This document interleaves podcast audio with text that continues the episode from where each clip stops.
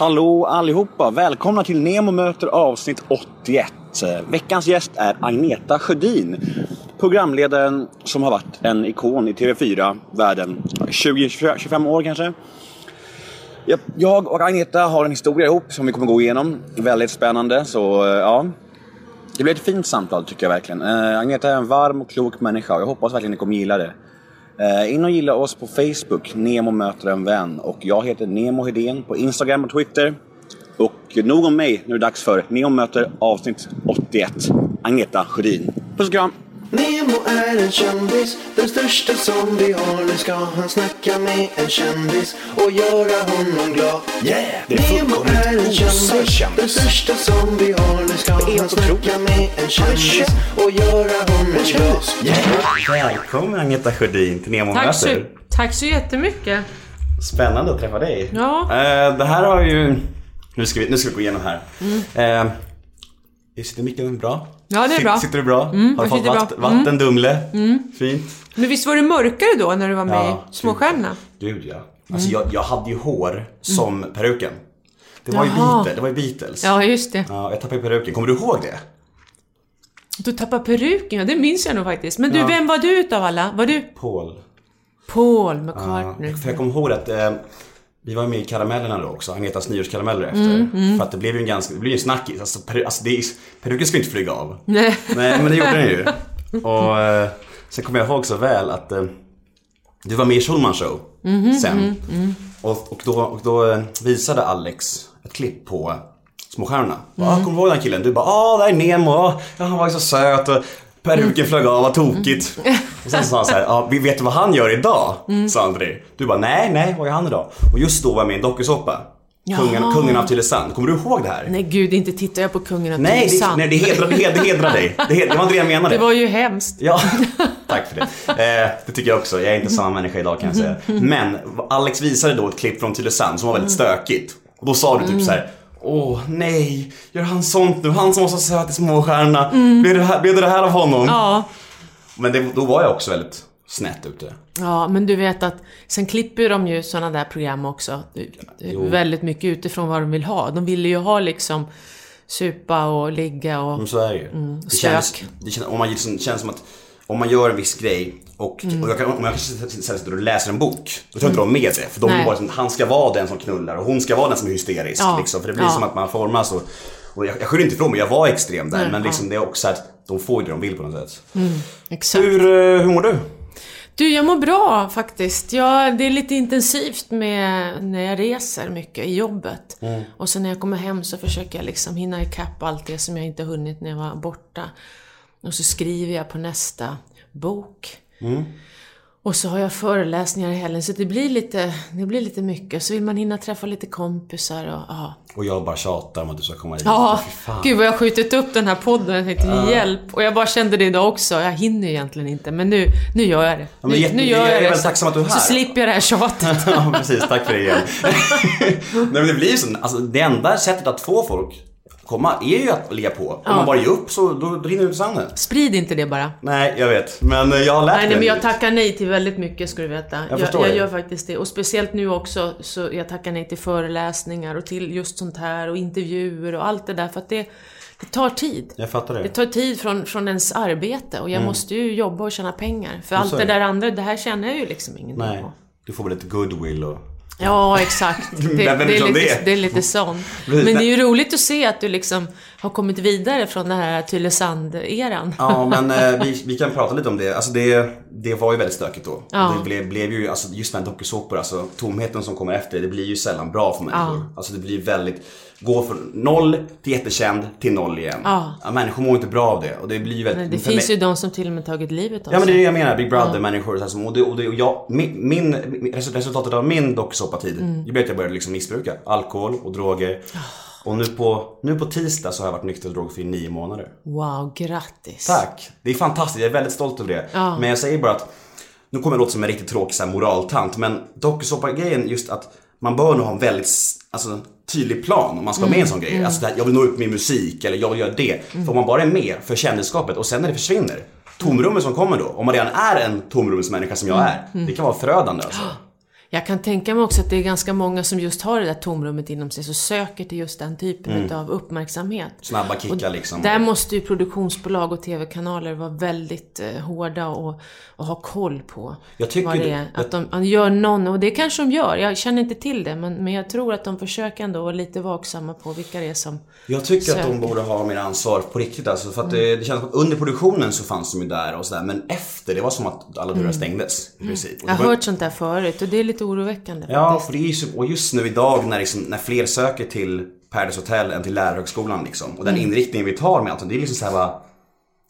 Ja, nu låter jag väldigt gammal men det är oroväckande. Mm. Så är det verkligen. Och det är, men ja, alla har sitt eget liv liksom, alla har sina egna val. Men jag tror inte ungdomar tänker idag på vad riskerna det innebär att vara med i ett sånt Nej, program. de har ingen aning om. Det är ju den här kicken också när man väl kommer med liksom. De är ju helt hög på den. Och Mm. Ja, det är ja. så himla kul allting. Och när man är där är det så kul. Ja. Så den totala tomhet som uppstår efteråt, den är man ju inte alls beredd på. Och är man, är man då eh, svag och, eh, och kanske har väldigt låg självkänsla och är otrygg, då är det ju, kan du få farliga konsekvenser. Jag tror verkligen det är exakt de människorna du beskriver som är med i sådana program. Folk som har tomrummet, folk som är bekräftelsesökande, folk som är sköra, känslomänniskor liksom som är med där som tror att får jag lösningen nu så kanske det liksom stillar det här inne en stund i alla fall.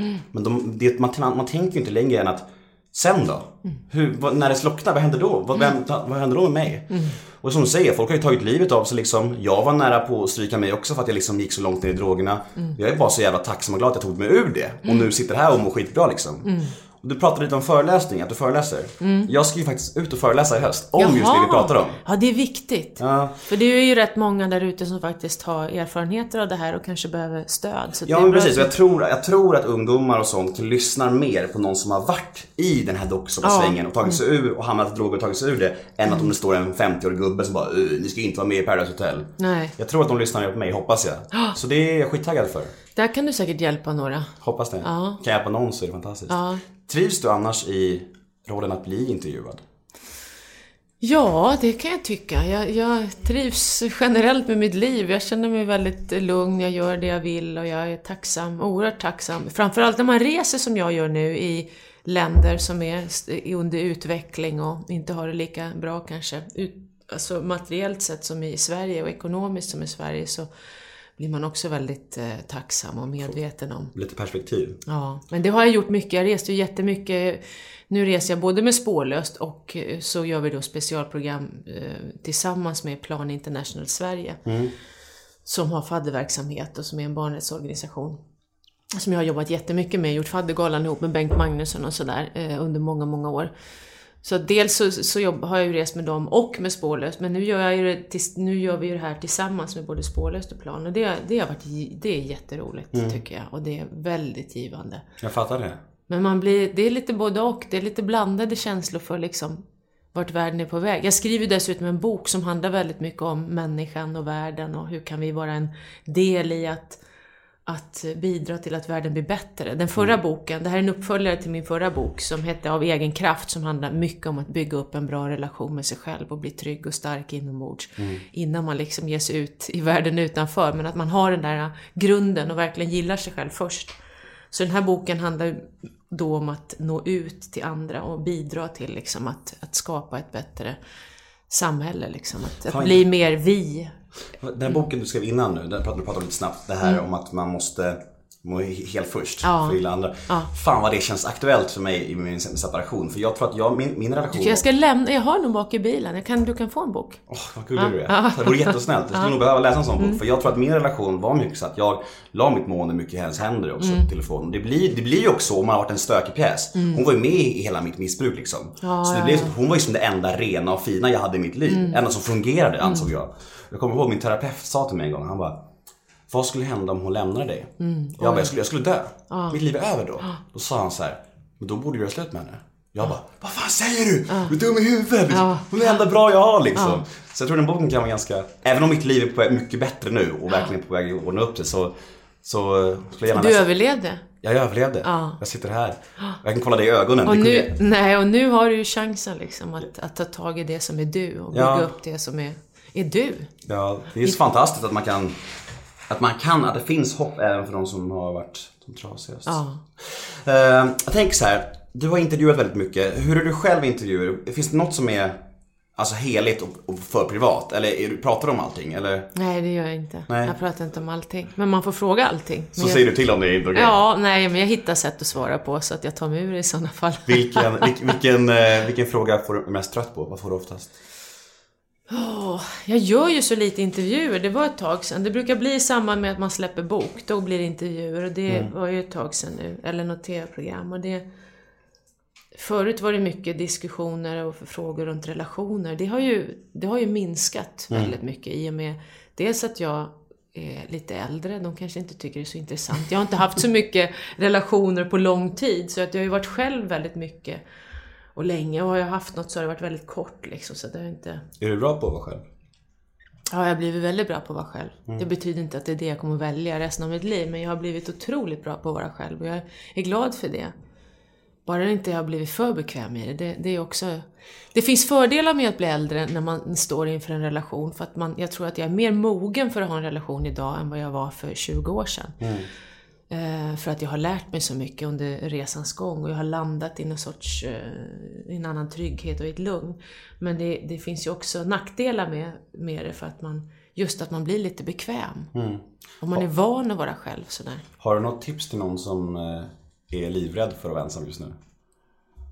För Ja, jag- det är, nu du ska, det är nu du ska göra den där inre resan och satsa Mm. på dig själv. Det är jäkligt tufft där du är nu, det förstår jag Mm. att du upplever. Och, eh, men, men du har en möjlighet här också att, att ta tag i något som kan vara hållbart för resten av ditt liv. Alltså det är just det här, det är just när man brott- brottas med den här ovana känslan och ensamhetskänslan och... Det kryper i kroppen. Ja, det är det. Och Du man, blir rastlös. Ja, och varje morgon så bara tar jag min hand och så bara i sängen så bara, nej men just det, jag är ensam. Varje morgon, och det har gått tre veckor, det är inte lång tid. Men Nej. fortfarande varje morgon så bara, just det, det är slut med henne. Det är över. Fan. Du är ju i sorg nu över det. Alltså jag, jag minns ju själv när jag blev lämnad. Eh, det var ju väldigt tufft alltså med att få sitt hjärta krossat. Och jag vet den första tiden, då klarade jag liksom inte av att göra så mycket. Eh, jag tittade jättemycket på filmer, kommer jag ihåg. Jag konsumerade så mycket film och, och gärna filmer där jag kunde gråta. Jag grät ju så kopiöst. Jag skrev om det här i, i en bok som heter En kvinnas hjärta. Jag kanske har den i bilen också. Men den ska du Bring själv- it, ge mig Ja. Och det var liksom, du vet, jag kommer ihåg när jag satt och redigerade manuset, för man gör ju det ett antal gånger innan boken kommer ut.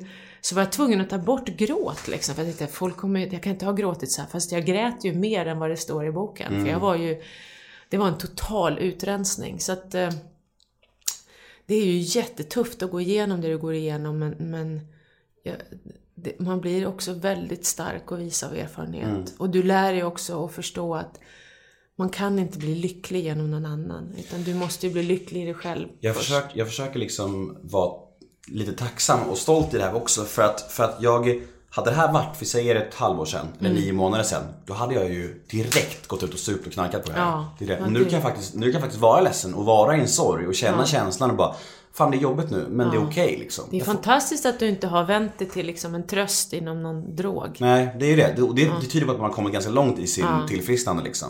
Men har du någon du går och pratar med? Jag går till en gemenskap, tolvstegsgemenskap. Ja, bra. Ja, och också har min terapeut. Så jag har både och liksom. Så är jag gör jätte... ju... Och jag- håll i det nu så att du inte släpper det. Utan det är jättebra att du har det nu. När Jag det är går- som jag- tuffast. Jag håller dem som närmare mig någonsin liksom. För Mm. I, i såna här kriser, det är då man sätts på prov på allvar liksom. Och det Mm. känns verkligen som att jag kommer ta mig igenom det här. Ta, ta mig igenom det här. Mm. Det är fett. Ehm, hur ser en vanlig dag för Agneta Sjödin ut? Ja, jag går upp ganska tidigt. Jag, jag går hellre upp tidigt eh, än att, gå i säng sent. Jag går gärna och lägger mig så här vid 10-11. Jag tycker att det är... Har du alltid gjort det? Ja, jag, jag är ingen sån här som sitter uppe till 12-1. Nej. Eh, och så går jag upp ganska tidigt. Jag tränar nästan varje dag nu. För att jag, när jag reser mycket då tränar jag lite mer när jag väl är hemma för att jag eh, vill känna mig stark i kroppen när jag reser. Det är väl en sån här åldersgrej också. Jag behöver känna mig stark. Ja, börjar- du börjar få så här krämpor och grejer eller? Ja, men du vet, man, jag fyller 49 i sommar så det, och sen bröt jag lårbenshalsen för ett år sedan. Ja, jag vet. be, jag behöver liksom vara stark. Alltså om någon säger lårbenshals då tänker man ju åh den där människan måste vara 85. 80. Ja, precis. Men vad var det som hände? Du kan berätta det lite snabbt. Vad var det som hände? Jo, jag, jag cykeltränade för ett lopp som jag skulle göra i USA. Ja. Och, eh, och jag försökte få in den här cykelträningen hela tiden. Och det, när man ska när man ska träna inför ett cykellopp, då måste man ju sitta mycket på cykel. Och det tar tid att träna cykling. Det, kan ta, det tar ju hela dagar, för du måste cykla långa distanser. Så jag försökte då med eh, att få in den här träningen så fort jag hade en ledig lucka. Så att, och då kom ju vardagspuls in i mitt liv också. Så det var liksom före och efter jobbet. Och, och jag satt med en bok och skulle bli färdig med den här förra boken av egen kraft. Då så det det, ganska- det var lite för mycket. Mm, jag tror jag hörde av mig till dig första gången då. Du bara, inte en chans. Jag har så mycket nu. Det är kaos. Ja, det var kaos då. Det var kaos. Och, eh, och då när det är kaos och när man inte har vett själv och fattat nu får du faktiskt sätta stopp och välja bort någonting. Jag borde ju ha valt bort cyklingen. Mm. Då hade mitt liv inte varit så stressigt. Du hade Men- sluppit skadan också. Ja, jag har sluppit skadan. Fast å andra sidan har det kommit så mycket positivt ut ur den här skadan. Ja. Så att det var, jag kan ju efteråt se att det fanns en mening. Jag är tacksam för det också liksom. Det är inte så att jag är, jag är ja, man ser efteråt saker, att det finns en mening med det. Men då så fastnade jag i spårvagnsspåret för jag skulle runda en lastbil och eh, inser för sent att spårvagnsspåren är där så att jag fastnar och far i backen ganska, och jag hade ju lite fart också så det blev en rejäl smäll. Och då bröt jag lårbenshalsen. Skrek du? Och det är ett år sedan typ, 21 april var det. Grät du? Ja gud, alltså det var, oj oj oj, oj vad jag grät. Jag, jag fick hjälp upp, så ställde jag mig och stödde mig på den här lastbryggan från lastbilen. Och så skulle jag sätta, försöka sätta ner benet, alltså den smärtan då. För jag trodde inte, jag fattade inte att jag hade brutit något. Den smärtan var ju brutal alltså. Men sen gick det väldigt snabbt, jag fick eh, komma in på, jag opererades ju dagen efter, så Ja. det, allting gick ju snabbt. Och sen var det då hela vägen tillbaka. Så därför är det också mycket träning i mitt liv. Mycket träning. Du känns väldigt i form. Alltså, jag, tränar du jättemycket alltid? Ja, jag, jag tränar mycket. Och jag tränar även när jag är ute och reser nu för att jag har med mig gummiband. Finns det inte ett gym på hotellet tar jag gummiband och kör jag egna pass. Är det för att du vill må bra eller för att du vill vara snygg? Nej, det är, nu är det bara för att må bra. Mm. Det, det är bara det, att ta hand om mig, min, min hälsa. Och Mm. ha en, jag vill liksom känna att jag är stark i min kropp när jag blir äldre. Mm. Så att inte jag slipper, inte jag behöver ha problem med smärtor och, och gå Jag tänkte, när jag ändå har det här. Du har ju separerat. Så jag, jag får ta lite, lite terapifråga. Ja. Eh, Jag tänker så här, när jag känner att jag saknar mitt ex då. Mm. Så vet inte jag om jag saknar henne eller om jag saknar någon. Alltså, förstår du vad jag menar? Nej, det är svårt för dig att veta med tanke på att, du, att eh, hon fyllde ett tomrum med dig. Så jag vet inte, liksom, och jag, jag, jag, jag gick ju på dejt efter bara så här fyra dagar för att jag liksom var så desperat och bara, jag klarade inte av att vara ensam liksom. Så här. Och du märkte jag var helt fel. Jag satt ju bara och jämförde tjejen jag var på dejt med, med mitt ex. Jag bara, ah, men det där, så där skulle aldrig hon göra. Du vet, så där, jättekonstigt så här. Har du, har, alltså hur... hur står man emot att börja dejta direkt liksom? Ja, det, alltså dejta direkt, det, ju det blir ju ett flyktbeteende. Det är ju för att du vill komma bort ifrån den här tomhetskänslan naturligtvis och fylla den med något annat och någon annan. Så det, det inser du säkert själv. Men eh, ja, jag är ju ingen terapeut, jag kan ju inte ge råd liksom. Men, men ibland, om man är medveten om varför man gör saker så, så kan man ju kanske hitta någon sorts tröst i det. Så länge man är ärlig mot sig själv och ärlig mot den man möter. Jag sa om jag om du träffar det. någon och så säger det att jag är, jag är faktiskt i sorg för mitt ex, Mm. men jag kan jättegärna hitta på något då, för jag skulle tycka det var kul att gå och fika och... Jag sa faktiskt till tjejen jag var på dejt med i slutet av kvällen. Jag sa Ja. så här, jag är ledsen men jag är inte redo för det här. Alltså jag sitter här och, Ja, och jämför dig med mitt ex och, och jag, jag so- sorry alltså, jag ville prova jag var redo men jag är inte redo. Nej. Och hon bara, jag fattar, jag fattar det liksom. Ja, men det är jättebra, för man måste vara ärlig. Man måste vara ärlig mot sig själv, man måste vara ärlig mot andra. Mm. Är du singel idag? Sen länge? Ja, jag har varit singel. Alltså jag skilde mig för sju år sedan. Mm. Sen har jag ju naturligtvis träffat, eh, men det har inte varit några långa för, förhållanden efter de sju åren. Jag har inte flyttat ihop med någon. Eh, och så, så det har varit lite... Jag tror att jag, vet, jag, lär ju mig och vet mer och mer vad jag behöver och vad som passar mig som person, vad som är viktigt för mig. Och då går jag inte in i, i saker om jag märker att nej men det här är inte, det här funkar inte för mig, det här känns inte rätt. Och vi, man är för olika.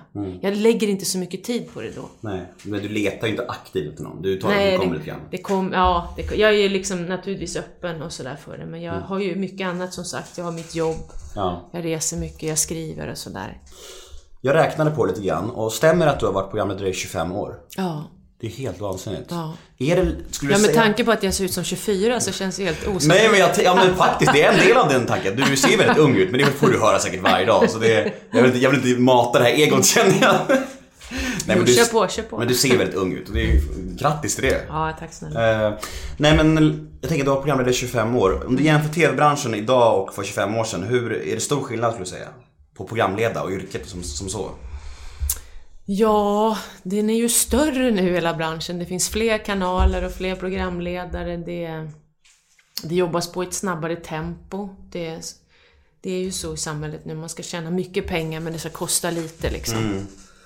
Eh, Så att eh, det är klart att det ser annorlunda ut. Jag är ju också jag är väldigt tacksam för att jag, att jag har två yrken, att jag kan sitta och skriva också när jag inte jobbar med TV. För det gör, gör också att jag får lite distans till hela den där världen. Om jag bara hade det, jag ser på vissa kollegor som bara jobbar med TV, jag, jag kan se och känna att de, de har den här stressen liksom. eh, Efter jobb och de har svårt att säga nej till saker så att vissa går i väggen till slut liksom. Bara för att de är så rädda för att inte liksom få vara kvar och vara med och sådär. Så därför tycker jag att det är väldigt skönt att, jag kan landa i ett, ett lugnare jobb också. Två jobb, det är ingen nackdel att ha två jobb faktiskt. Nej, det är fantastiskt att du får den. Det är ju en ynnest att göra två saker du älskar. Ja, Upp- men jag skulle nog inte kunna överleva på skrivandet för att det, där tjänar jag ju inte alls i närheten av vad jag gör på TV. Men skriver gör jag inte heller för i första hand för att tjäna pengar. Utan Om det, du- det är ju mer ett kall på något Om vis. du sk- tjänade mycket mer pengar på att skriva, skulle du lägga av med TV då? Nej, det skulle jag nog inte. Nej. Mm. Jag älskar ju båda de här jobben. De Var- ger ju mig två helt... Det blir en balans mellan de här ytterligheterna. TV är ju väldigt eh, eh, ytligt och, och ja, alltså i, i frågan om att man syns och sådär. Det behöver ju inte vara ytliga program allt man gör, men, men det är ju på ett annat sätt. Medan skrivandet är mer eh, kopplat till, till min inre värld. Varför sökte du dig till offentligheten från början? Var du lite en sån som vi märker som vi pratar om? Ja, ja, ja absolut så var ju det jag ville ju bli skådespelerska från början så att den där ett yrke där man kan få uppmärksamhet och synas och så i centrum, det var ju liksom Bekräftelse. Ett, ett bekräftelse. Ja, det var ju något jag sökte. Eh, och det har även varit i, relationer när jag var yngre, när jag hade många korta och relationer, du vet. Så att det, jag har ju sökt bekräftelse där också. Så att, eh, men man mognar ju. På alla plan. Man får ju självinsikt och ser sig själv, man ser sina mönster och man förstår. Och när man väl ser det så finns det också en chans att läka och bryta mönster och komma vidare. Vad hände med skådespelardrömmarna? Nej, de är nog kvar. De kommer alltid att vara kvar tror Är jag. det så? Ja. Du väntar på, på ett Tycker- samtal? Ja, men jag tycker jag är jäkligt bra skådis. Har du gjort någonting? Nej, jag har gjort lite små grejer. Ja. Har jag gjort, men inget eh, Sökt scenskolan? Det gjorde jag faktiskt för länge, länge sedan, eh, innan jag hamnade i TV. Och, eh, och, så, men bara en gång. Jag gick vidare till andra och sen så kom jag inte vidare längre. Men det var ju liksom också lite så här på vinst och förlust. Jag hade inte tagit några lektioner och läst för någon eller någonting utan jag bara... Så att jag kunde väl ha satsat hårdare på det men... Mm. Jag skulle... Men jag måste, förlåt, jag, jag, minns du Småstjärnorna? Minns du mig där? Ja, ja, ja. Du gör det? Ja, ja, ja. Ja, vad bra. Du var väldigt det- vild kommer jag ihåg. Ja men det var ju väldigt allihopa. Jag, tror när vi gick fram till juryn så trampade vi sönder en lampa också. Ja, ja. Men ni var här ju ett ganska vilt gäng sådär. Det var ju fyra stycken åttaåringar Ja. som var helt så här dampiga. och Ja, det- verkligen. Det, Det kändes som ni hade... eh, eh, du sa det till oss också där i intervjun innan. Du bara, kan ni, sitta, kan ni, ni kan inte sitta still? Va? Vi Nej. Bara, Hade alla ADHD eller? jag vet inte, men jag har i alla fall. Ja, det det. Men det är sjukt, alltså det var ju liksom, det är ju 20 år sedan. Att, man har, att jag har minnen från 20 år sedan, jag känner mig så jävla gammal nu alltså. Ja, men det är ju ändå kul. Men det var ju också en stor händelse för dig som en Fan- liten grabb att göra något sånt där. Har du kontakt med de andra? Ja, lite grann två av dem. Ja. Och eh, det var också, jag tycker att det är så fint att ha det här, för det är som att cirkeln sluts i mitt lilla offentliga liv på något sätt. Det är, Jag tycker det är fantastiskt att ha det här, jag är jätteglad för det. det är det här. Eftersom vi snuddade vid det här med missbruk och alkohol, eftersom jag har en krånglig historia angående det. Hur är ditt förhållande till alkohol? Ja, jag är ju väldigt måttlig med alkohol faktiskt. Jag har också festat när jag var yngre, men det har aldrig varit så där att det, har aldrig varit något osunt. Jag har aldrig känt liksom att det skulle vara någon fara för mig. Jag har, aldrig, jag har aldrig testat liksom. droger på det sättet som så. Det har inte heller lockat mig. Jag tycker nog att droger är lite läskigt. Jag är lite rädd för det liksom. Du känns ju så himla andlig och spirituell, så Mm. man skulle kunna tro att du är en sån som skulle kunna ta så här svamp och flummiga droger någon gång i livet. Ja, kanske någon gång. Men Ja, men du vet när jag blir äldre nu så, så kanske jag testar lite svamp eller något. Mot Och jag, Thailand. gör någon sån här, jag gör någon sån här inre resa. Det finns ju sånt man kan göra. Ja. Så här, där man tar svamp och sitter i någon svetthydda eller något. Jag vet inte. Och möter, 19 möter, sina, möter sina andar.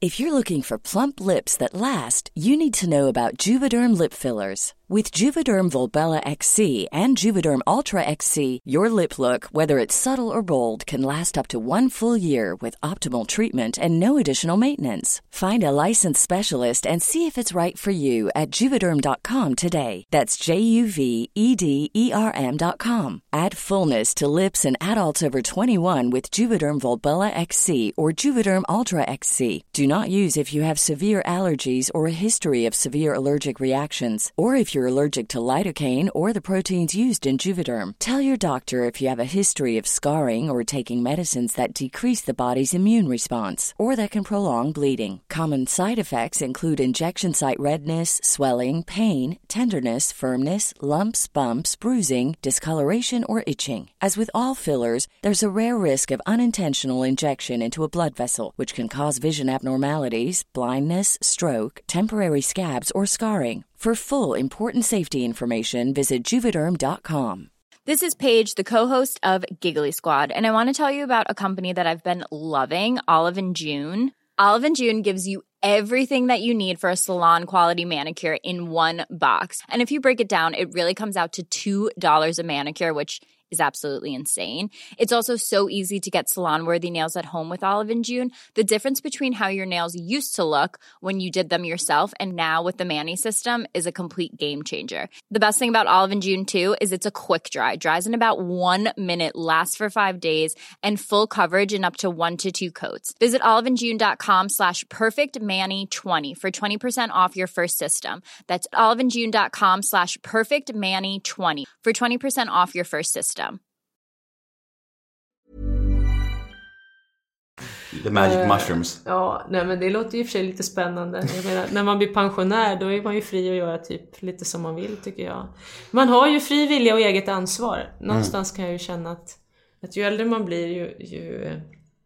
Men jag har ju haft en stor respekt för det där med droger. För jag ser ju vad skit det får med sig liksom. Så jag Du har ändå varit i väldigt- svängen liksom. Kändissvängen, Ja. mediasvängen. De måste ha sett många gånger ner sig tänker Ja, jag. ja, ja. Och eh, jag växte upp i Hudiksvall också. Där har vi väldigt många kollektiv. Hassela och Jonsered. Och det finns många som har råkat illa ut med just droger. Så att där har jag en stor respekt. Så det har jag aldrig velat testa. För att jag tror att man kan fastna sådär. Och sen, men sen tycker jag... Nej, jag har aldrig... Alltså ju äldre jag blir, ju mindre alkohol dricker jag på något vis. Jag kan absolut ta en öl och när jag är på hockey eller ta ett glas vin och sådär. Men behovet av att bli berusad finns inte där Nej. på det sättet. Bara för att jag vet också hur trött jag blir dagen efter. Och det är inte värt det liksom. Mm. Ja, alltså, jag, jag känner det liksom, alltså, om jag jämför en bakfylla nu med liksom för tio år sedan. Mm. Det är ju natt och dag alltså. Det är ju helt, det är ju helt, alltså om jag skulle bakis idag så är jag liksom helt trött och sänkt i typ två, tre dagar. Ja. det känns nästan så. Ja.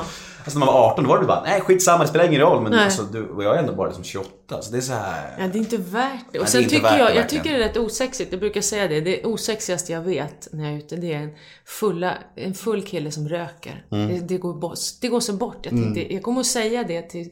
Du vet, alltid påverkar det någon som är nej men jag vill inte vara osexig. Mm, det är bra. Och så tänker de på det. Men jag, och, och något sånt här raggningstips som jag brukar, jag fick frågan en gång om jag hade bra raggningstips. Då sa jag det. Ja, var nykter och ställ, ställ mycket frågor. För det tror jag tjejer gillar. Mm. Tjejer gillar när en kille intresserar sig för dem och ställer frågor. Och man vill inte sitta med en full kille. Mm. Nej. Som sitter så här nära liksom. Och Självupptagen full kille Nej, som luktar nej. illa och, och upprepar sig fyra gånger. Och så det, och det, det är liksom, det krävs så lite. Mm. Man kan hålla sig hyfsat nykter och ställa frågor. Jag tycker det är så skrämmande hur viktigt det är med att folk, alkohol för folk. Alltså överlag. Det är så här, man får inte vara berörd deras alkohol liksom. Nej men det ligger lite i vår kultur på något vis och det får folk att våga. Mm. Man vågar liksom släppa loss, man vågar gå fram till den här killen eller tjejen när man är lite full liksom. Och det är det Mm. som är lite sorgligt, att det ska krävas sprit för att bli modig. Men precis, hur, hur, hur kan det bli normen på något sätt? Alltså om man inte, alltså folk som mår bra i sig själva, i vanliga livet, då ska man inte behöva dricka egentligen tycker man. Nej. Men det är nog, det är, ja, det är så det är bara. Jag, brukar, jag tycker det finns bra alkoholfria alternativ. Jag jobbar lite grann med Rickard Julin bland annat. Han, han har en alkoholfri champagne. Den försöker jag promota så mycket jag kan. För Ja, den är så fint. god. Den är så god och det är 0% alkohol. Perfekt för mig ju. Ja. Jag, har letat efter ett Jag borde verkligen tagit med en till dig, för jag har några flaskor hemma. Ja. Men jag har ju en dotter också, nu har hon fyllt 18, men hon är så ointresserad av att dricka. Fan vad Hon skönt. tränar liksom så att, du vet, nej. Vi, vi hade champagnelunch, jag hennes pappa och hennes bonusmamma Jenny där när hon fyllde 18. Då var vi på Rish och käkade tillsammans alla fyra. Och så fick vi varsitt glas champagne. Och Maja, hon tog en mun, sen drack inte hon upp. Mm. Hon tycker, nej jag vet inte, hon är inte så intresserad av det. Så det kan man ju också se på ungdomar idag, att det blir mindre intressant. Ja, och det blir ju, det finns ju mycket fler alkoholfria alternativ överlag så det är klart Ja. att det blir det. Folk börjar väl kanske ändra sig lite grann. Men det där som du pratade om, den här champagnen, skulle gärna ta det namnet sen Ja. efter. Så... Det är Rickard Julin, han är ju sån här superchampagnekännare, han är i världsklass liksom. Mm. Och han har då satt sitt namn på den här och tagit fram den här smaken. Så att, Grymt. eh, Ja, den finns både som rosé och vanlig. Jag ska skriva upp det till dig sen. Tack.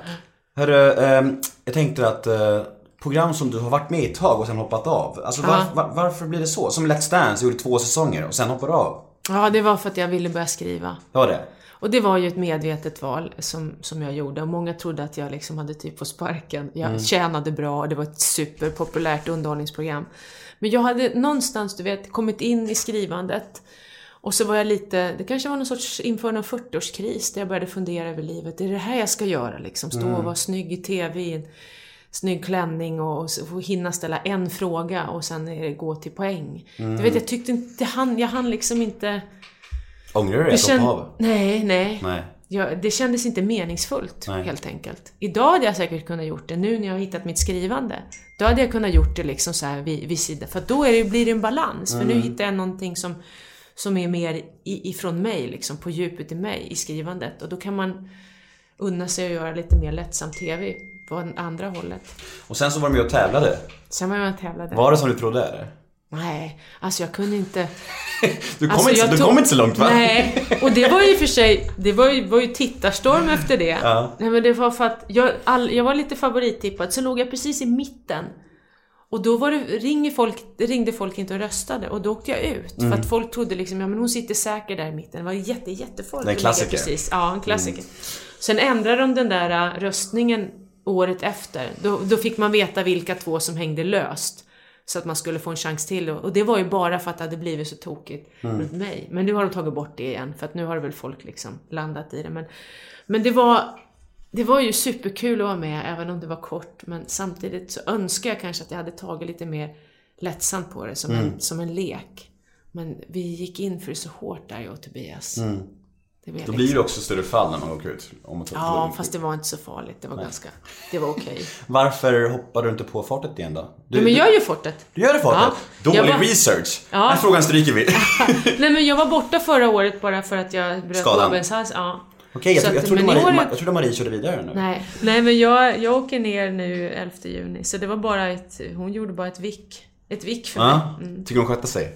Ja, det tycker jag. jag. Jag tyckte absolut att hon skötte sig. Sen tycker jag liksom att Gunde och jag, vi har en energi och vi är så samarbetade han och jag. Så det blir en helt annan stämning och känsla runt oss och som, och som jag tyckte att jag saknade lite när jag tittade på det. Men jag tyckte ändå att eh, det gick riktigt bra. För att Gunde verkar vara så jävla härlig alltså. Fan, du, kan du fixa hit honom eller? Nej, det kommer jag aldrig, det kommer jag aldrig att få. Är det så? Han gör ju knappt någonting. Är det så? Ja. Okej, ah, rackarns. Ehm, du börjar närma dig 50 år som du sa. Mm. Alltså hur, hur tänker du kring det? Nu är du ju väldigt, nu låter jag smörja, men du är ju väldigt välbehållen om man får använda ett sånt trött ord. Mm. Men alltså, har du åldersnoja? Tänker du ens på det? Nej, men jag har märkt att jag har haft lite såna här tankar som att jag blickar tillbaka på mitt liv och undrar lite grann, eh, du vet, eh, ja, man, man gör väl någon sorts inventering av sitt liv och lite sånt har det varit som jag kan tänka mig någon sorts eh, mitt i livet-fas som jag befinner mig i. Och att jag känner att jag, men jag är nog redo att gå in i fas två och då vill jag att det ska vara så här och så här. Så jag, det är ingen, ingen sorg eller stress runt det. Det kan vara lite så här vissa dagar lite melankolisk känsla runt liksom vad jag hade och vad jag gjort, vilka val jag gjort och sådär. Men jag, inte riktigt så att jag ångrar liksom saker i mitt liv, det gör jag inte.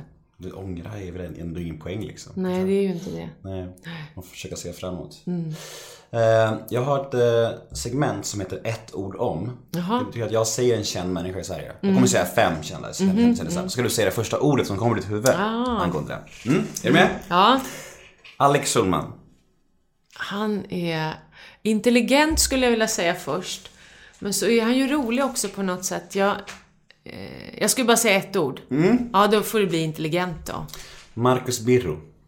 Ja, svår. Alltså jag gillar ju honom men han känns... Eh, det finns en sorg i honom på något sätt. Som han inte greppar riktigt.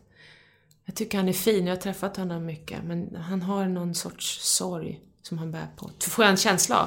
Det här är så intressant som du säger, jag måste bara lägga till. För jag, jag känner exakt samma sak om honom och jag har haft honom i podden och när vi träffades då var det jättehärligt. Jättebra samtal hade du, en av mina favoritpoddar faktiskt. Men när jag läser om honom, vad han har sagt överallt och jag ser hans sociala medier, då är det bara så här, han gör det så svårt att tycka om honom. Han säger så konstiga saker och har så mycket så här.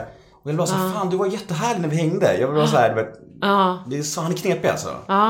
Men jag gillar honom verkligen när vi träffades, som du säger. Så han har någonting bra, absolut. Sara Larsson. Ja, hon är ju eh, frisk fläkt. Eh, eh, ny generation kvinna. Jag har träffat henne också. Ja, det var många ord nu, men det är lite, lite Många det. gör så här tror mig. Ja. Det är den Ja. andra som flyger iväg lite. Ett ord, alla bara många ord. Jag försöker hålla mig, men hon är ju liksom, ja, frisk fläkt då. Mm, ny Ford. tid, ja. Mm. Jimmy Åkesson. Ja, alltså säga vad man vill om, om det där partiet så kan jag ändå tycka att han, han verkar stark liksom. Han, har stått, han har stått ut med mycket skit. Sannerligen. Och känns att han bär det partiet på sina axlar verkligen. Ja, och jag, jag, de, de gör ju väldigt mycket som jag kan tycka känns sorgligt och sådär men, men jag, jag, jag tycker, ska man nu vara en sån människa som inte ska tycka illa om och döma och hata då får man ju inte göra så, då får det inte vara okej att hata vissa och inte andra. Nej, liksom. Så att jag, jag, jag tänker inte döma åt- något håll, men jag, jag tycker att han har fått stått ut med mycket och det, jag tycker han är stark, måste jag säga. går inte- Även om jag inte har röstat på honom. Det går inte att bota hat med hat liksom. Nej, eller krig med krig. Ja, nej, precis. Det, är- det, är- jag tror den Mm. missen många gör tyvärr. Leif GW Persson. Åh, sköning. Han, där är ju också intelligent som fasiken alltså. Vilken hjärna han har den mannen. Ehm, Sköning, ett bra ord. ja, sköning. Ja. Eh, du har ju som sagt typ varit kändis hela ditt vuxna liv. Alltså, Mm. Blir man blasé inför hela yrket? Tänk att offentlig människa och träffa kändisar. Blir du någonsin starstruck när du träffar en kändis nu för tiden? Eller kan det liksom vara så här? Ja, jag, jag blev starstruck när jag träffade Zlatan. Är det så? ja. Jag förstår det. Fan. Men du vet, jag träffar ju, jag träffar ju så många liksom, eh, kungligheter och allt möjligt. Men just Zlatan var... Och då tog jag faktiskt en, en bild med honom som jag la upp på Instagram. För jag tänkte, det här är ett sånt, det här är ett sånt moment som jag bara inte får missa. Och, och då var vi nere på... Vi var på, eh, vad heter det? Vad heter det som ligger vid Strandvägen 1 nu? Eh, Milles. Ja. Vi var på Milles. Det var efter Polarpriset, så gick vi dit några stycken. Och så ser jag Zlatan, alltså ryktet går ju. Och jag, jag, Tisslas, tasslas. Ja, Ja. och jag gick på toaletten och så, så tittade, så hejade vi på varandra liksom. Ja, vad skönt, han hejade i alla fall. Mm. Och sen innan vi skulle gå så frågade jag Tina, Tina Lund som jobbar där som jag känner. Och sa, gud kan man ta en? Ja men kom igen Agneta, det är väl inga problem, jag fixar. Mm. Och hon kände honom och så här chosefri Tina. Så då fick jag en jättefin bild på mig Zlatan. Och Mm. han ser så jäkla glad ut. Och den visade jag när jag var på i Liberia. Då är det ett fotbollsland alltså. Så pratar vi fotboll och så börjar de prata om Zlatan. Och då visar jag den här bilden på mig Zlatan. Du vet, då var ju jag kung. Har du blivit det i intervjusammanhang någon gång? Känt såhär, shit nu sitter jag med den här människan. Eller är det alltid såhär bara gå in i ro- rollen och... nej, nej. In, inte idag. Alltså jag skulle till och med, tror jag, kunna sitta och intervjua min stora idol Sting utan att känna mig nervös. Du vet, det, har, det har blivit något, ja det har blivit något. Dels har jag ju en yrkestrygghet, att jag har, känner mig lugn i att jag kan mitt jobb. Och sen har jag blivit lugnare i mig också. Så att det... Ja. Hur tycker du annars det här med kändisskap och offentligheten? Du har varit kändis så pass länge. Är det liksom... Är det kul att bli igenkänd och ta bilder med folk så här? Eller kan du tycka så lite så här, bli mätt på det ibland? Nej, alltså jag tycker att det är, det är lättare och trevligare att vara kändis idag än vad det var för kanske tio år sedan. För att idag är det inte... Det är inte samma uppståndelse runt mig och mitt privatliv. Så då tycker jag att det faktiskt är lite skönare. Är det för att det mer, finns mer kändisar idag? Eller vad tror du Ja, det beror det finns mer. Jag tror att media tycker att det är roligare att skriva om de här lite yngre. På. Paradise Hotel. Ja men förstår du? Nå- ja. Någonstans ska jag Sara Larsson, till exempel. Ja men jag tror det liksom. Och det, då, då, då, då blir det liksom, då blir det lite softare för mig. Är det, ba, är det bara skönt att de lämnar dig lite? Eller kan du, Ja, kan ja, du sakna det ibland så här? Nej, nej, nej, Nej. Jag tycker bara att det är skönt faktiskt. För jag är fortfarande mitt jobb. Och Ja. jag, jag, liksom, jag kan fortfarande inspirera människor med mina böcker. Jag kan fortfarande roa genom mina TV-jobb. Så att jag, och jag känner ingen stress över att någon ska komma liksom och peta mig. För jag tycker fortfarande att jag gör ett, ett bra jobb. Tro mig, när du skaffar en snubbe igen så kommer tidningarna vara där igen. Tror du det? Ja, garanterat. Det är det bästa de vet. Jag googlade det. Det var ju bara folk som har grott i ditt jävla kärleksliv ju. Ja, men det, det visst känns det ändå som att det är ganska länge sedan. Ja, ja. Ja. Det tycker jag. Vi får se då. är du, bä, bävar du inför det? Det är ingen stackare som vågar närma sig mig för Men, men hur är det alltså att ragga som Agneta Sjödin? Kan du det? Alltså, kan du skaffa Tinder till exempel? Går det ens? Nej, Nej. nej, det, skulle, det skulle jag aldrig göra. Jag har aldrig testat de här dejtingsajterna. Det är ganska svårt för mig att träffa någon, inser jag. För att dels så är jag inte på dejtingsajter. Jag går inte ut på krogen.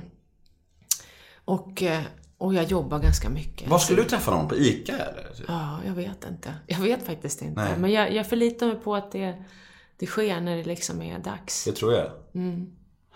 Veckans brev lyder som så. Mhm. Hej Agneta, jag tycker du är härlig. Fint. Mm. Vem tycker du är Sveriges attraktivaste kändis? Sveriges attraktivaste känd... Det första namn som dök upp nu var Gynning, Carolina Gynning, för jag tycker hon är jävligt läcker. Eh, det är om jag ska säga någon tjej i Sveriges För jag tycker hon är, hon är inte bara snygg, jag tycker hon är rätt härlig i sin energi också av någon anledning. Eh, det finns ju många snygga tjejer alltså. Gynning får vara kvinnan då och en man. Ja, om jag måste välja en, för det var det första namn som dök upp. Ja. Är du bisex- bisexuell? Nej, det är jag Nej. inte. Nej. Eh, men jag... eh, det finns ju så många tjejer så att jag tänkte, ja. Eh, jag får nöja mig med att jag tycker att det finns många tjejer. Jag tycker TV4 har många härliga, snygga... eh, jag har många snygga kollegor måste jag säga. Du, vill, du vill inte säga någon man? Jo men någon man, jag ska absolut säga någon man. Attraktiv. Men jag, för mig är ju eh, attraktiv, alltså det handlar ju inte bara om ett utseende. Det måste också vara någon med lite karaktär och pondus och lite drivkraft. Det känns viktigt. Och då ska jag då välja en man. Jag tycker ju... Eh, Säg nu vad du tänkte. Säg vad jag tänkte. Ja, jag tänkte säga Carl Philip. Men vi, vi tränar ju ihop så jag tänkte gud vad pinsamt. Ja. Men jag tycker ändå att han är... Jag tycker både han och Sofia är jäkligt snygga människor. Han var jävligt snygg i Helenius hörna. Ja, Ja, Shit vad ja. snygg han var. Ja, men jag tycker att jag är väldigt förtjust i både Carl Philip och eh, kronprinsessan Victoria och deras partners. Jag tycker de har gjort bra val. Jag tycker de gör väldigt mycket bra, bra för Sverige. Mm. Jag tycker de är... Ja, så att... eh, Det är bra svar. Carl Ja. Ja. Men gud, jag borde tänka lite mer kanske. Ja, nu blir Gynning och Gynning och Carl Philip. Där har du Ag- Agneta Sjödins drömtrekant. Nej! ja, kanske. Ja, det kom, nu kom, nu kom Dokusåpan Nemo tillbaka där. För en sekund. Förlåt för det. Hur är det med kritik då? Jag tänker att, för jag har ofta varit känslig i mitt liv och när du får kritik i jobbet eller liksom i privatlivet, kanske för en bok eller på sociala medier eller vad som helst. Tar det till dig då? Alltså, gör det ont då eller rinner det bara av dig? Ja, idag rinner det bara av mig. Mm. Om någon skriver något elakt, du vet jag. Jag blir bara mer förvånad liksom. Blockar du dem direkt då? Ja, det beror på hur, hur de är. Om det Mm. är någon som jag tycker verkar galen som skriver något elakt om någon jag har skrivit om, du vet. Eller, Mm. eller om mig. Då kan jag blocka om jag tycker att det verkar vara någon Mm. tokfrans som bara är ute efter att provocera. Men jag, jag tar inte åt mig. Men jag, jag kan tycka att det är sorgligt att det är det klimatet. För jag tycker någonstans, jag kan också tycka en massa saker. Men jag skulle aldrig skriva det. Nej. Utan eh, då kan man väl hålla det för sig själv. Det finns alltså ingenting en anonym skulle kunna skriva som gör dig ledsen? Nej, inte som jag vet. Nej, det är ju skönt att ha den insikten. För jag vet ju också någonstans att det, det, det, ingenting är ju egentligen personligt. Alla människor går ju runt med sin egen inre värld och de lever ju liksom och ser sitt liv utifrån den här inre världen. Det har ju liksom ingenting... Om jag tycker illa om dig och jag inte känner dig riktigt så har det ju med att det är liksom någonting i, i mig som, Mm. Är som går igång. Så att det egentligen, om alla- tänk om alla kunde ha den egentligen är ju inställningen. ingenting personligt. Nej, Om tänk om alla kan ha den inställningen. För det, är- det där, är- många ser ju inte så. Att, att det är ofta ett problem hos sig själv. Ja, och det är ju jag som styr mina tankar och känslor. Ja. Det är ju ingen utanför mig som kan påverka mina tankar och känslor, utan det är ju jag som bestämmer vad jag vill känna och tänka runt olika saker. Mm. Det är, ja men precis, det säger ju också min sponsor ofta i programmet. Ja. Jag bestämmer hur jag mår liksom. Ja. Det är jag som bestämmer hur jag ska reagera på vad folk säger. Det Exakt. liksom Allt det där, och det, det är sånt där, det tänker man inte på. Liksom. Ja, Du det- har ju din sinnesrobön också, den kan du ju köra. Tror mig, jag upprepar den så mycket. Ja, jag älskar den. Ja, den är fantastisk. Ja. Vad får du ångest över idag? Du känns, ganska, du känns ju ganska i balans och harmonisk Mm. överlag. Men när mår du som sämst? Idag liksom? Om jag får en onödig p-bot då kan jag tycka att det känns, åh gud vad onödigt.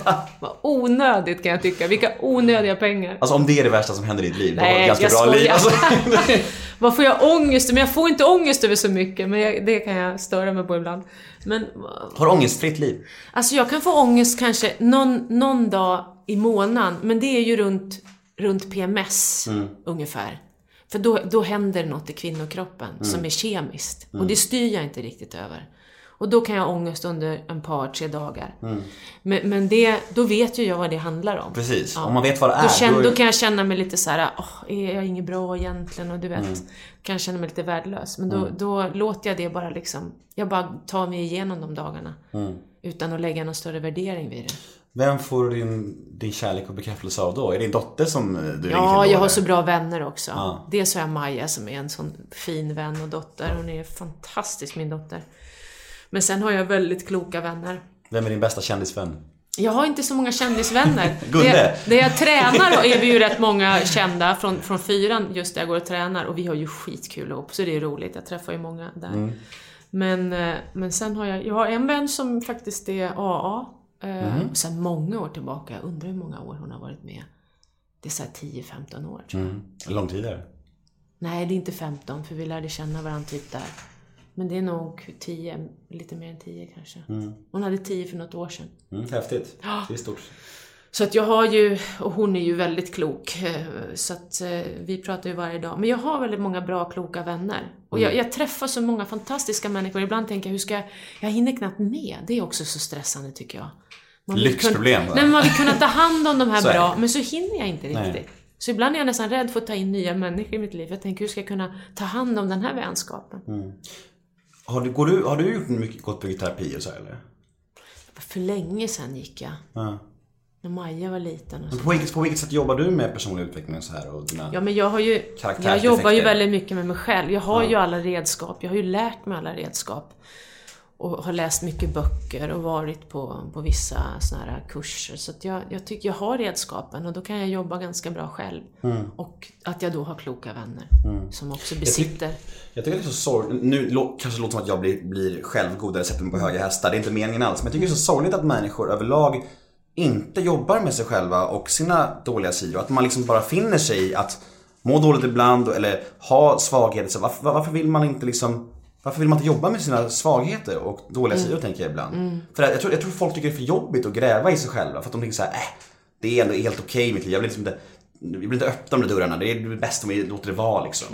Och jag tycker det är sorgligt. Det är samma med relationer tycker jag. Folk är kvar i relationer som inte är så bra heller för att de bara, är det är för jobbigt att ändra på det här. Det blir så här. Ja, ja visst. Men oj, liksom- oj, oj. Det är väldigt sorgligt. Det ser Men man det är så många- Och så väljer man att vara otrogen istället. Precis, ja men precis, man tills bara rinner över. Tills man gör en falling down och skjuter ihjäl hela stan liksom. Men alltså, du vet, folk är bara kvar i någonting som inte är så bra för att man inte orkar kämpa, liksom, man orkar inte gräva, man orkar inte arbeta och man är rädd för ensamheten, man är rädd för förändringen. Jag tror att de människor som faktiskt bryter upp i dåliga relationer eller börjar gräva i sig själva, visst de har jobbigt ett tag, och det är jobbigt ett tag, men sen det som kommer efter är ju värt allting. Ja, det är det faktiskt. Tror jag i alla fall. Det är värt att gå igenom kriser ibland för att det, ja, man, man lär sig så mycket. Och kan man ta sig igenom en kris så blir man ju, så har man mycket att vinna på det. Precis, och man lär sig nog uppskatta också livet på riktigt liksom. Ja, det var bara, det var bara en tanke jag fick. Eh, jag tänker att vi snackar lite om det här med att ångra saker. Det, det, det, sånt ägnar vi oss inte åt. Men eh, om du tänker framtiden, hur, hur ser din framtid ut? Vad har du närmsta tiden liksom? Är det, skriva en ny bok? Ja, skrivandet kommer jag fortsätta med. Nu skriver jag på en bok som kommer ut i januari 2017. Jag vet inte exakt vad jag gör i höst. Jag kommer att jobba lite med... Jag jobbar ju på Fyran. Jag har ju skrivit avtal med dem så här. Varannat år förlänger vi det där avtalet. Om man vill nå Agneta Sjödin på sociala medier, vart Då är finns det det? 07... Nej jag skojar. Precis. Nej, jag har mitt Instagram. Jag är nog mest aktiv på Instagram. Mm. Jag har även en offentlig face- Facebook-sida. Så att eh, jag har ju de två. Och det är nästan lika många på Facebook som på Instagram. Nu har Instagram gått om lite. Det blir, det blir att jag lägger lite mer bilder på Instagram för att det är lite mer, jag vet inte, det är inte lika hårt dömande publik där på något vis. De är Nej. lite softare. På Facebook kan det komma långa inlägg och det är någon som vill sticka ut och som skriver. Svarar du på dem då?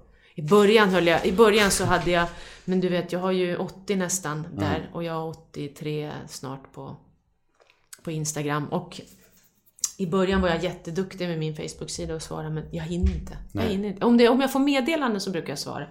Alltså jag tycker att sociala medier överlag är något som förstör min sinnesro totalt Ja. kan jag. Vilken jävla stress det är. Ja, det är sån stress. Och bara- ibland tänker jag så här, när jag väl liksom en dag ska stänga ner allt det här. Mm. Men så samtidigt för mig har det varit det, det finns enda anledning till att jag har det där, det är min, mitt enda sätt att komma i kontakt med mina läsare. Mm. Med mitt, jag har inget författarfönster överhuvudtaget om jag inte har Instagram eller Facebook. Så det, det är bara därför. För det Det, jag har ju samma ursäkt, jag måste nå ut för podden liksom. Ja, och jag, blir så här, jag stängde faktiskt ner min Twitter och min Instagram Ja. häromdagen. Hur länge tror jag klarade det? Fem dagar klarade jag. Oj! Och, och, jag, och det var jätteskönt, men jag, jag saknade det så mycket ändå. Jag ville så gärna, jag ville se en tanke eller en bild och bara, fan, jag, jag, jag, skäms över att säga det, men jag är fan Fem dagar var, ja men det var strångt. Jag undrar om jag, hade, jag undrar om jag hade klarat det. Nej, det, var, det, var, det var skönt, men shit vad jag saknade det mycket ändå. Alltså. Ja. Man vill ju så gärna kunna nå ut och du vet, jag älskar kommentarerna och så, jag Ja. älskar att få lite feedback. För det, mycket är ju fint liksom. Ja. Och mycket, många är ju kloka, även om vissa är då lite idioter. Men man kanske skulle ta lite semester i sommar från det där. Läser du alla kommentarer du får? Ja, på Instagram hinner jag läsa. För Mm. där kommer inte så jättemycket. Så där är jag... Facebook hinner jag ju sällan. Och vad heter du på Instagram? Agneta Sjödin. Så in och följ Agneta Sjödin. Mm. Jag heter Nemo Hedén på eh, Twitter och Instagram. Och hashtaggen är NEMOMÖTER. In och gilla oss på Facebook, Nemo möter en vän. Och jag säger stort tack till Agneta Sjödin. Tack så jättemycket Nemo. Hej då!